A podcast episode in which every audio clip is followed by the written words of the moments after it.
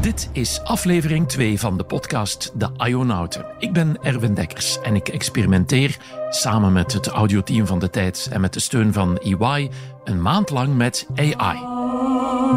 EY, AI, daar ga ik nog eens over struikelen, denk ik. Hallo, ik ben Betty, de sidebot van Erwin. In de vorige aflevering gingen de Ionauten volledig de mist in met het klonen van de stem van Alex Agnew. Hi, this is the voice of AI. Van geen kant. ik vind dit echt totaal er niet op lijken. Ze lieten ChatGPT een belabberde en zeer ongepaste versie maken van het sprookje Roodkapje in de stijl van Herman Brusselmans. Roodkapje was een gek mokkel. En ze vielen de arme schrijver ook lastig tijdens zijn drukke en belangrijke dagelijkse bezigheden. Wel, ik ben op weg naar maar... eh zeg. In deze aflevering doen ze een poging om Kaiman te pakken te krijgen.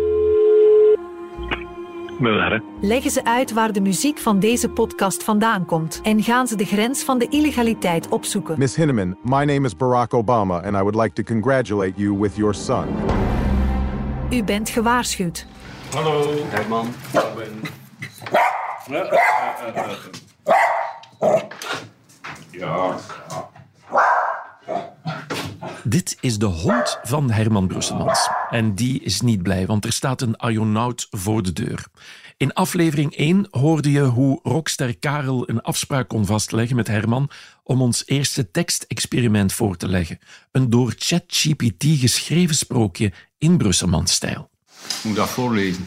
Roodkapje was een geel mokkel dat er niet voor terugdeinsde om met elke knappe vent het bed in te duiken. De boze wolf van zijn gestoorde teringleier die er niet vies van was om een flinke, om een flinke potje, flink potje moet dat zijn, te neuken. Oké, we zijn 15 seconden verder en Herman heeft al een fout ontdekt. Maar hij leest met frisse tegenzin verder om uiteindelijk met een heldere analyse te komen.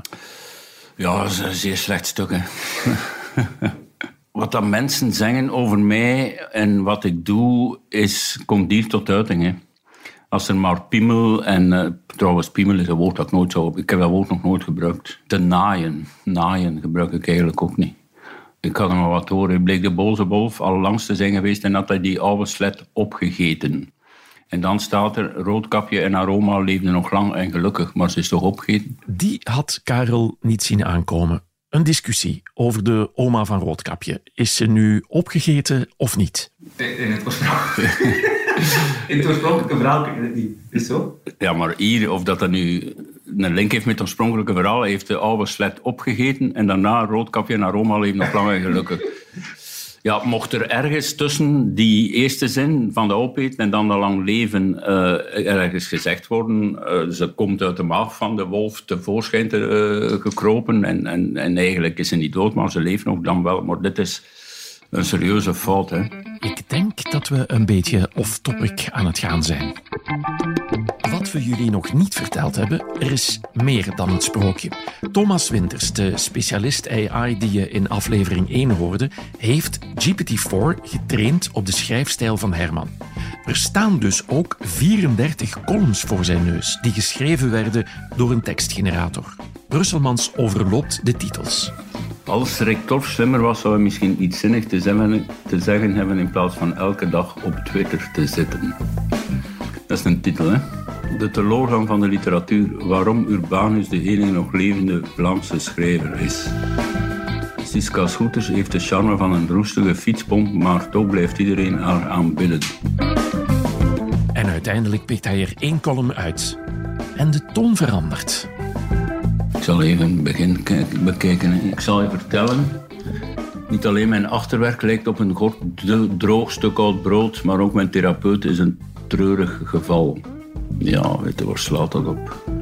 Niet, wat, is de, de, is link tussen mijn achterwerk en mijn therapeut? Ja, daar valt over te discussiëren, maar goed, we gaan verder. Het ware palet van het menselijk bestaan, maar eigenlijk niet op te letten alsof hij zichzelf aan het verdrinken is in zijn eigen poel van ellende. Ik vraag me af, wie helpt nu wie?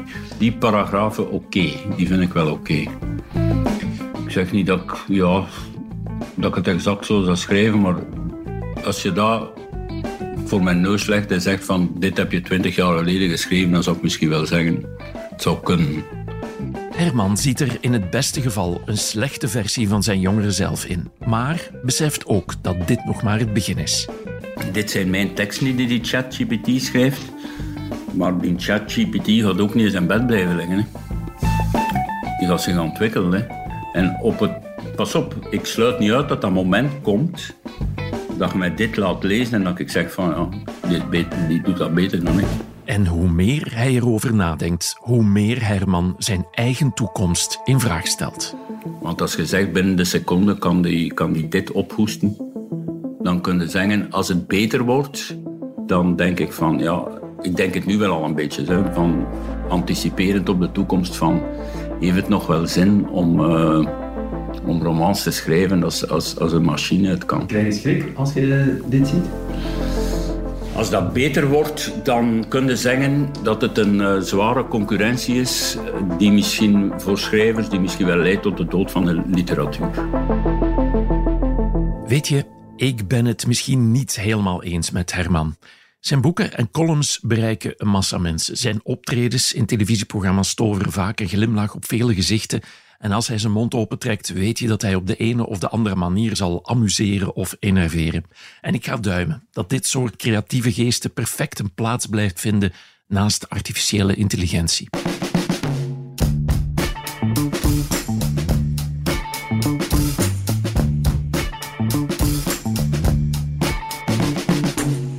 Ik moet ook zeggen, het volledige gesprek tussen deze twee rocksterren was best wel boeiend. Je kan het als bonus beluisteren in het Arjonautenkanaal. En de link naar alle 34 nepcolumns die kan je terugvinden in de show notes. En over rocksterren gesproken, ik wil dat nu toch eens even checken. Hallo, mijn Karel. Hey Karel, met Erwin. Hey, Erwin. Ik heb een vraagje voor u. Ja? Speel jij toevallig gitaar in een coverband? nee. Oké, dat was mijn vraag. Ik wou het gewoon even weten. In aflevering 1 experimenteren we met het klonen van stemmen. Die van hoofdredacteur Isabel Albus bijvoorbeeld. At my work, there is a little office where I read a lot and even write a lot. Maar het grapje dat ze maakte... Dus je kunt uh, mijn omgeving ook blackmailen. Dat is niet de bedoeling. Zet ons op het spoor van een nieuw experiment.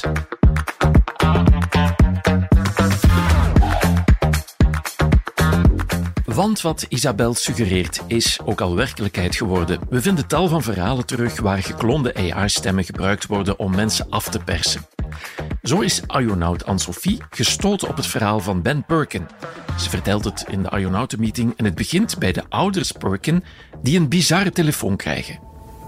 Ja, dus die ouders van die Benjamin Perkins, ik denk dat de moeder was, die kreeg telefoon in de ochtend van een advocaat. En die advocaat zegt van, kijk, mevrouw Perkins, ben ik bij mevrouw Perkins? Zegt, ja, ik ben bij mevrouw Perkins. Uh, zegt ze, ja, is Benjamin Perkins dat jouw zoon? Ze bevestigt, ja, dat is onze zoon. En ze begint al een beetje nog rust te worden, want ja, ze is uh, moeder van een volwassen zoon en om dan ineens zo'n telefoon te krijgen. En die zegt, ja, kijk, uw zoon heeft een zwaar auto-accident veroorzaakt. En daarbij is dus een US-diplomaat om het leven gekomen. Uw zoon zit nu in de gevangenis. En wij vragen u nu de legal fees te betalen. We vragen nu geld van u. Kan je dat voorstellen? Dat je zo'n telefoon krijgt in de ochtend? Dan komt Benjamin zelf aan de lijn. Hij zegt dat hij van hen houdt en dat ze zo snel mogelijk geld moeten overschrijven, omdat hij anders in de problemen dreigt te komen. En dan dus iets later, dus diezelfde dag, s'avonds, belt die advocaat terug naar die ouders en die vraagt dus om 21.000 Canadese dollar over te schrijven, stand TPD. Dat is zo'n 15.000 euro, snel omgerekend, dat die stand TPD wordt overgeschreven op een rekening, om dus die legal fees te dekken. De advocaat is een oplichter en Benjamin's stem is niet echt, maar gekloond met AI. The scammers used AI to create a voice that sound like me. They used social media to come up with enough information about me to convince them they were speaking to me. Um, obviously, it wasn't. De ouders vertellen achteraf dat ze het wel vreemd vinden, maar dat ze in een paniekreactie toch het geld overschrijven. Die avond belt de echte Benjamin niets vermoedend naar zijn ouders en komen ze erachter dat ze opgelicht zijn.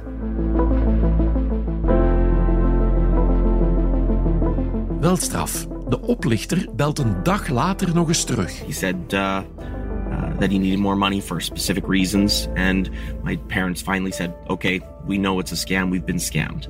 And immediately he dropped his facade and he said, "What gave it away?"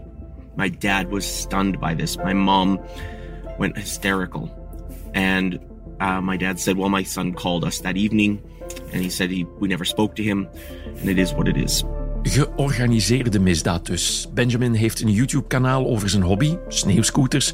En vermoedelijk plukte ze daar enkele minuten van zijn stem en maakte ze een kloon met dezelfde software die wij in aflevering 1 gebruiken.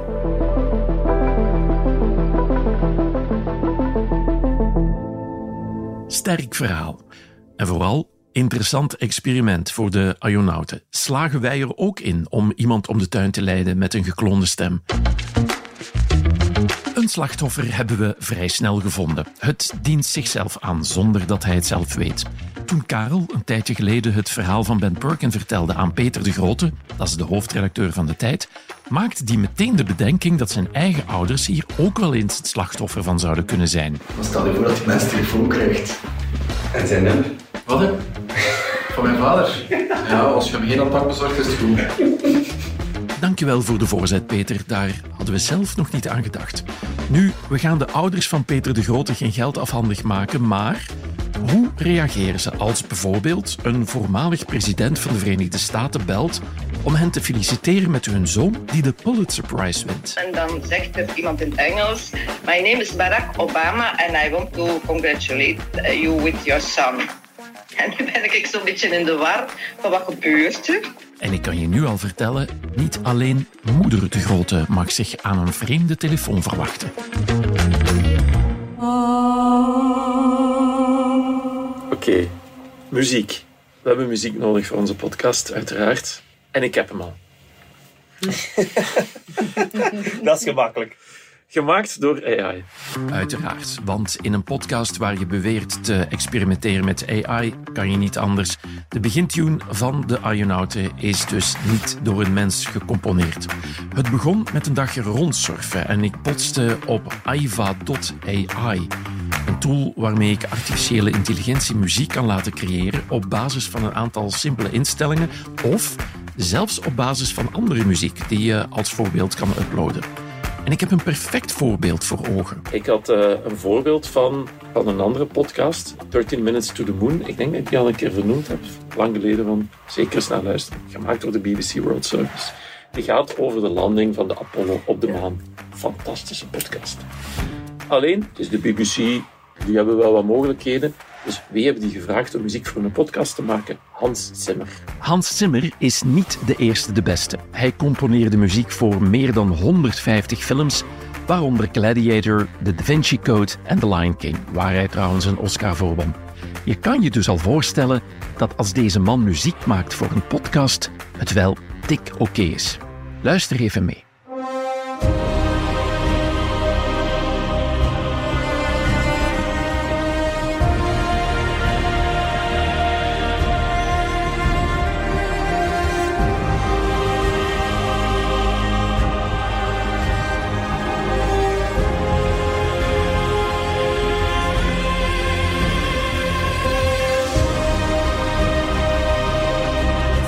Fantastische soundtrack, fantastische budget waarschijnlijk ook. Ik vraag Aiva.ai om op basis hiervan onze soundtrack te componeren. Het allereerste resultaat dat uit Aiva rolt, laat ik aan de Ionauten horen.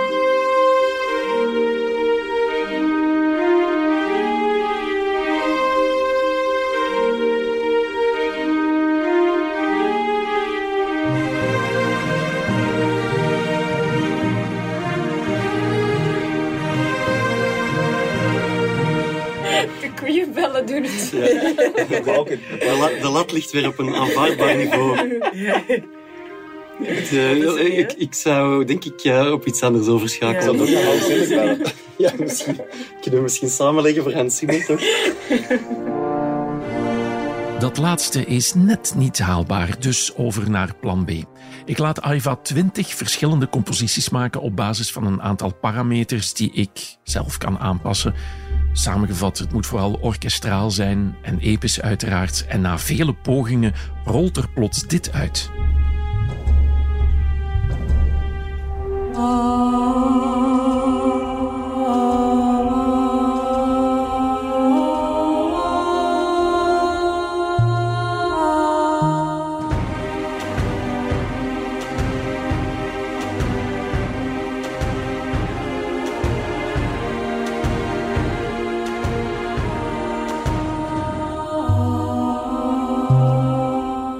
deze tune zitten heel wat elementen die perfect bruikbaar zijn voor het sounddesign van een podcast. Je hebt de epische percussie.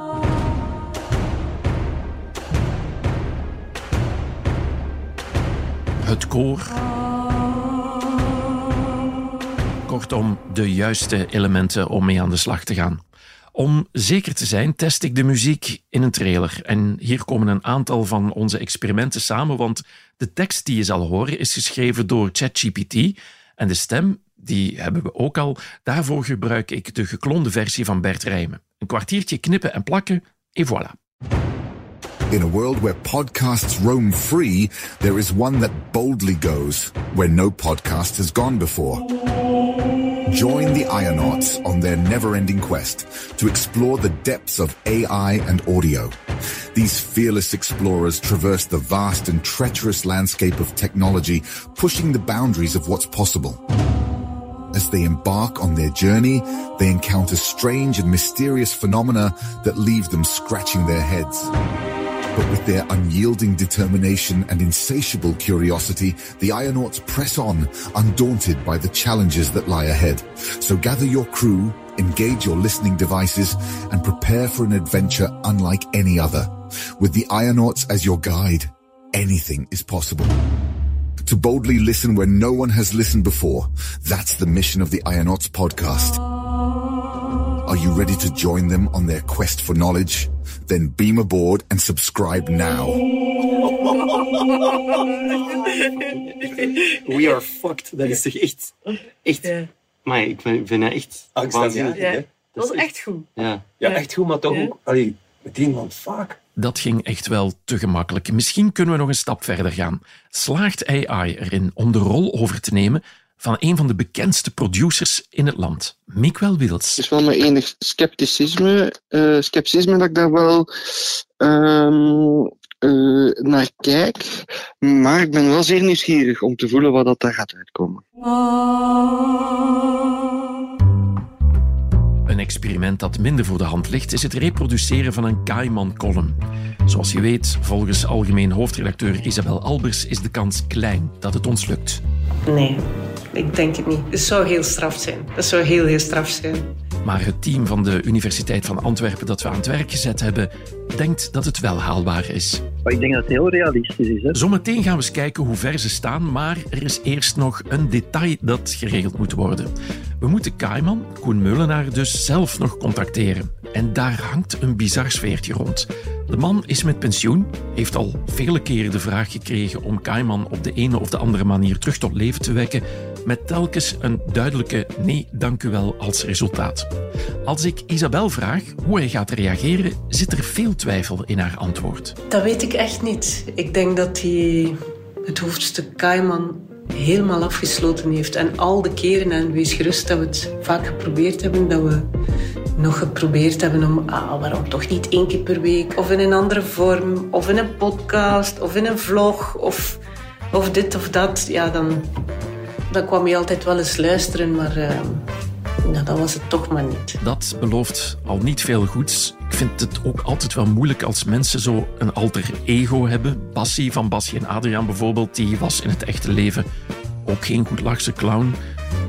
Ja, dat is misschien niet de beste vergelijking in deze context, maar toch is het nu Koen of Kaiman die we straks aan de lijn gaan krijgen. Goh, maar dan zeg je twee dingen. Koen Meulenaar als persoon was voor mij iemand totaal, maar dan ook totaal anders dan uh, de Kaiman en het personage dat hij creëerde in de krant. Koen was uh, een eerder verlegen en heel stille collega. Maar als je ervoor kiest om zo'n vlijmscherpe column te schrijven elke dag, ja, dan maak je je daarmee niet altijd vrienden. Punt is, iemand moet bellen met het risico om met huid en haar opgevreten te worden door Kaiman. We beslissen dat Ionaut Ben Serruger dit moet regelen. Hij is de enige die Koen Mullenaren persoonlijk kent en de enige die er niet bij was toen we beslist hebben wie zou bellen. Excuus om u te storen tijdens uw welverdiende pensioen. Hè? dat is het ene keer in drie jaar, kan dat geen kwel. Ah, wel, ja, het was uh, lang geleden inderdaad. Ben doet zijn verhaal over de podcast over AI, over het experiment, de wetenschappers die zijn schrijfstijl gaan kopiëren en komt dan tot de belangrijkste vraag. Uh, maar, maar, voordat we dat willen proberen, willen we natuurlijk uh, even eerst uw toestemming vragen. Want het gaat natuurlijk uh, ja, over uw ja, moet ik daar zelf iets van doen? Nee. Uh, nee, misschien dat we uh, u uh, achteraf eens gaan vragen van wat je er nu zelf van vindt van het resultaat. Ja, dat je erin zelf herkent of zo. Ja, maar in principe hoef jij niks te doen. Dus, Ja, voilà, dat hoor ik graag. Pensioen is pensioen. Hij moet er zelf niets voor doen en dat valt erg in de smaak precies. Maar de allesverslindende Kaiman is ook best wel nieuwsgierig. Nee, ik ben benieuwd. Dat, dat interesseert me inderdaad wel. Oké, dat is goed. Dan uh, hoor jij uh, heel binnenkort van ons en dan uh, bel ik nou, jou zeker nog eens terug. Ja, en is dan, ga je dat dan afdrukken in de tijd of zo, ja? Dat zal een beetje van het resultaat. Heb je dat gehoord? Die vraag van Koen. Ga je het ook afdrukken in de tijd? Nu even hypothetisch. Stel dat het ons lukt en stel dat de lezers het fantastisch vinden. Wat zou er ons dan van kunnen weerhouden om de schrijfstijl van Kaiman te hergebruiken? Ja, niet echt zo heel veel eigenlijk. Dus daar heb ik wel, allee, voor Koen Meulenaren niet, maar voor u wel misschien beter nieuws. Een stijl op zich kun je niet beschermen. Dus dat gaat gewoon niet. Dat kan niet worden beschermd onder het auteursrecht. Dat is vrij, dat kunt je gebruiken. Dit is Nele Somers opnieuw van het advocatenkantoor Artes, dat onder andere gespecialiseerd is in intellectueel eigendomsrecht. En ze is heel duidelijk. Een schrijfstijl is van niemand. Kaiman kan ons juridisch niet tegenhouden om zijn stijl te kopiëren. Maar, daar gaan we weer, er is een uitzondering. Um, het auteursrecht laat zich natuurlijk niet zomaar uitschakelen. Een combinatie van elf woorden, in zoverre dat uh, dat origineel is, en dat wil zeggen dus is dat een intellectuele, dat moet dan een intellectuele schepping uh, zijn die de stempel draagt van de maker van het werk, dat dat op zich uh, voldoende kan zijn om een inbreuk te gaan opleveren. Dus als ChatGPT elf woorden kopieert uit een column, geldt het auteursrecht wel. Controleer dat maar eens. Nu, Koen kan gerust zijn. We willen hoogstens ons experiment publiceren in de krant. Als Kaiman binnenkort tenminste geen gehakt maakt van onze AI-klon. Vraag eens ook of die klaar geraakt, want Ionauten Ben en Lara checken even in bij Walter Dalemans en zijn team in Antwerpen. En ze zijn er nog niet helemaal. Er wordt nog getwijfeld tussen twee manieren om Kaiman te klonen. Ja, dus de, eerste manier is dat we het uh, basismodel, uh, GPT-4 of, of 3, um, zelf gaan veranderen. En dus dat model zit ergens op de servers van OpenAI, maar ze laten toe dat je dat fine-tuned met je eigen data. Tot hiertoe is dat nog niet gelukt, maar we blijven dat natuurlijk proberen. De tweede manier, waar we dus wel redelijk succes nu mee hebben, is dat we in de prompting, dus eigenlijk in het geven van input aan het model, en dat is dan een lichtjes ander model dan het vorige, want dat is dan gefine-tuned op basis van interacties met mensen. Dat model kunnen we nu ook gaan prompten met voorbeelden, maar natuurlijk veel minder dan we kunnen doen bij, in de andere methode. Dus dat is de tweede manier die um, dus het beste werkt op dit moment. Maar ook daar zijn er allerlei factoren die een rol spelen, blijkbaar, die, uh, ja, die we onder controle moeten krijgen. Ben houdt nog steeds niet van gras dat ergens overheen groeit en wil meteen aan de slag. Maar er is nog een probleem. Uh, ja, dan is nu de vraag, uh, gaan jullie er zelf nog een beetje mee, mee klooien of gaan we dat niet nu uh, hier nu blijven doen totdat we iets vinden? Nee, ik zou dat liever eigenlijk af en toe eens doen, want ja. uh, gezegd ben ik er nu al kots Oké, okay, dat was duidelijk. Misschien moet Ben het gras toch maar even laten groeien. Slagen wij erin om een willekeurig slachtoffer om de tuin te leiden met een gekloonde stem? Dat is het experiment waarop Ionauten Karel en Anne-Sophie zich in de studio bij de tijd aan het voorbereiden zijn. Het doel is om de ouders van hoofdredacteur Peter de Grote te bellen met de stem van Barack Obama, omdat hun zoon, zogezegd, een belangrijke prijs heeft gewonnen. Ze gebruiken de software van Voice.ai, waarmee je je eigen stem kan omvormen naar die van een bekend persoon. Maar ze willen eerst nog eens oefenen. We gaan proberen Erwin te bellen als Joe Biden. Dus we gaan nu eerst onze stem omzetten in Joe Biden. Ja, alright. Met eh, de Voice AI app. Oké. Dus we hebben een paar zinnetjes en die moeten we inlezen. En dan eh, komt hij eruit als Joe Biden. Do you copy me? Do you copy me? It's an honor to hear you on the phone, Mr. Deggers. Je moet ook zo goed mogelijk proberen na te doen. Ja, de voor het, intonatie best- moet voor het beste effect. Ja. Dat zeggen ze ook. Het was enkele uurtjes knutselen en toen kreeg ik dus telefoon. Hello, Mr. Diggers. This is Joe Biden speaking. Do you copy me? yes, I do. Hello, Mr. Biden. It's an honor to have you on the phone, Mr. Diggers. I was a big fan of your show on Q Music, but I must admit, I didn't like Sven. Ik wist uiteraard waar ze mee bezig waren, dus was niet echt verrast dat Karel Biden aan de lijn hing.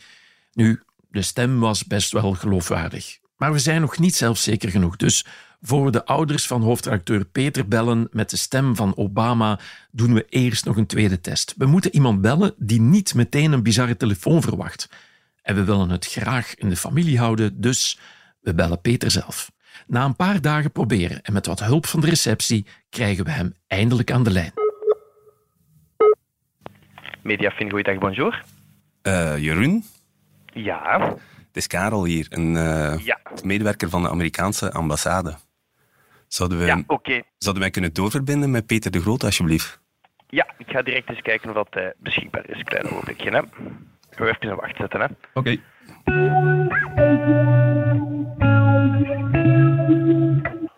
Hello, is this Mr. Peter de Groot on the phone, please? Yes. Yes, thank you for picking up Mr. de Groot. My name is Linda Reverend, Secretary to Ambassador Michael M. Adler from the American Embassy in Brussels. I tried to call you last Friday, but unfortunately I wasn't able to reach you. Sorry for being so persistent. No problem. I received your phone number through Mr. Peter Klagebier. I hope you don't mind. No, that's okay. The reason why I call is that I have some very exciting news to share with you. Uh, uh, okay, but first of all, could you identify yourself again, please? You are aware that a very important press prize is being awarded today, right? Um, yes, but first of all, could we could we talk about who you are? Yes, my name is Linda Reverend, Secretary to Ambassador Michael M. Adler from the American Embassy in Brussels. Okay, that's clear. And you're calling from Brussels? We would like to invite you and your newsroom to the official ceremony here at the embassy next Monday. Okay. Just a quick question. We would like to invite your father as well. Can you give his details? A phone number, maybe? Um, I find it difficult to do this over the phone. I am afraid we lost connection. Could you repeat, please? I find it difficult to do this over the phone. Uh, and actually, I have a very important meeting in uh, a couple of minutes. Could we could we call back, meet each other physically? Yes, thank you. It was lovely talking to you, Mr. de Groot. We will be in touch soon. Hallo? Ja? Peter? Ja? Dit is Karel. Ja, what the fuck, jongen?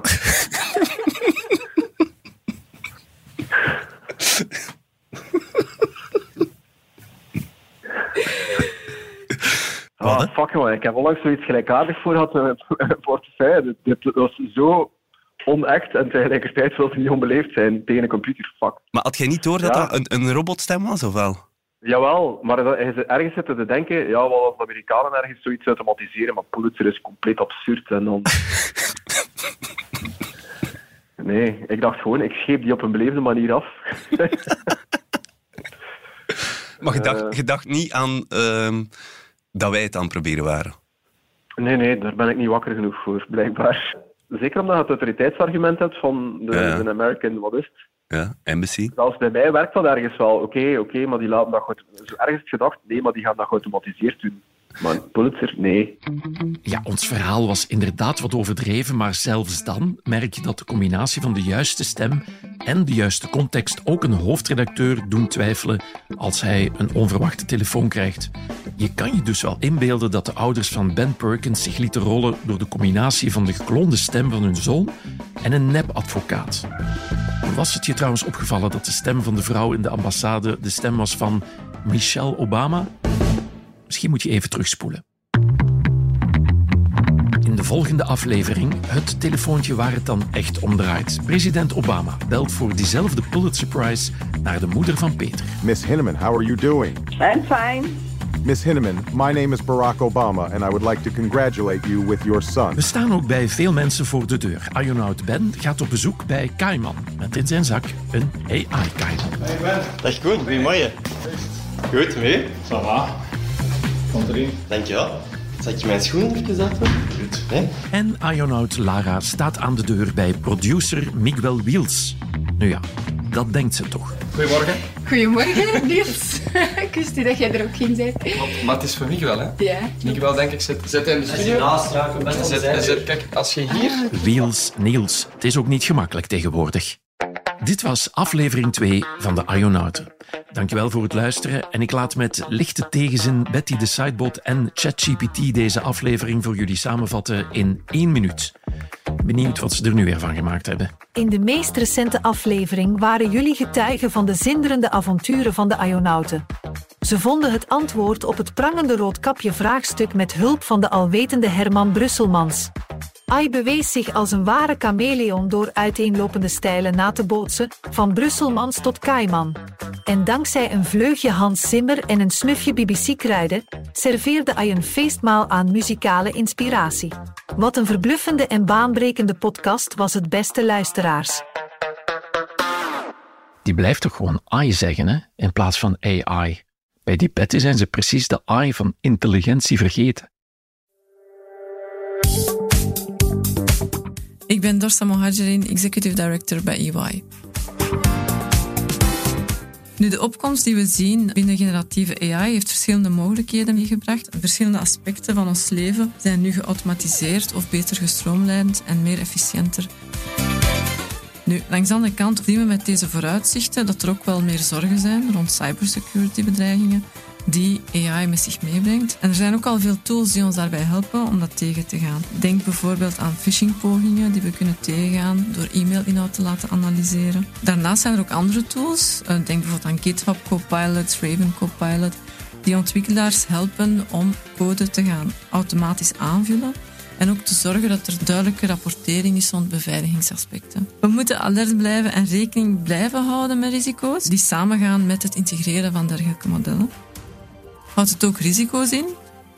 Het gebruik van vrij beschikbare generatieve AI-tools, zoals large language models, eh, brengen aanzienlijke cyberrisico's mee die we niet over het hoofd mogen zien. Hoewel deze modellen natuurlijk snel en eenvoudig antwoorden bieden op vragen, kunnen ze ook wel misbruikt worden voor kwaadwillige doeleinden. En recente onderzoeken zien we ook dat die modellen kunnen gebruikt worden bijvoorbeeld om overtuigende spearphishing-e-mails te maken, kwaadaardige software te ontwikkelen en uw netwerkveiligheid eigenlijk in gevaar brengen. Er zijn ook nog andere gevallen waar deze gegenereerde code werd misbruikt. Hè. Onder andere het kopiëren van bestanden, gegevens naar aanvallers te verzenden en reverse shell aanvallen uit te voeren. Het karakter van het model als een machine learning systeem betekent dat het willekeurige verzoeken kan vervullen en dus mogelijk gevaarlijker wordt naarmate het ook wordt blootgesteld aan kwaadaardige input. Nu, dan hebben we het nog niet gehad over de overstap naar generatieve AI, die daadwerkelijk zelf de acties gaat uitvoeren. Wanneer AI niet alleen de code levert om een aanval uit te voeren, maar de aanval daadwerkelijk gaat uitvoeren, dan zit je natuurlijk in een volledig andere situatie. Een ander aandachtspunt bij het gebruik van vrij beschikbare AI-tools, zoals ChatGPT, is het risico van gegevenslekken natuurlijk en gegevensbeveiliging. Kortom, wat is er nu echt van essentieel belang? Enerzijds de regulatie van het gebruik van AI, anderzijds ook ervoor te zorgen dat er robuuste cybersecurity maatregelen geïmplementeerd worden en ook voortdurend geïnnoveerd. Daarnaast moet er ook een bewustzijn gecreëerd worden over de risico's die permanent evolueren en gepaard gaan met deze AI-technologieën.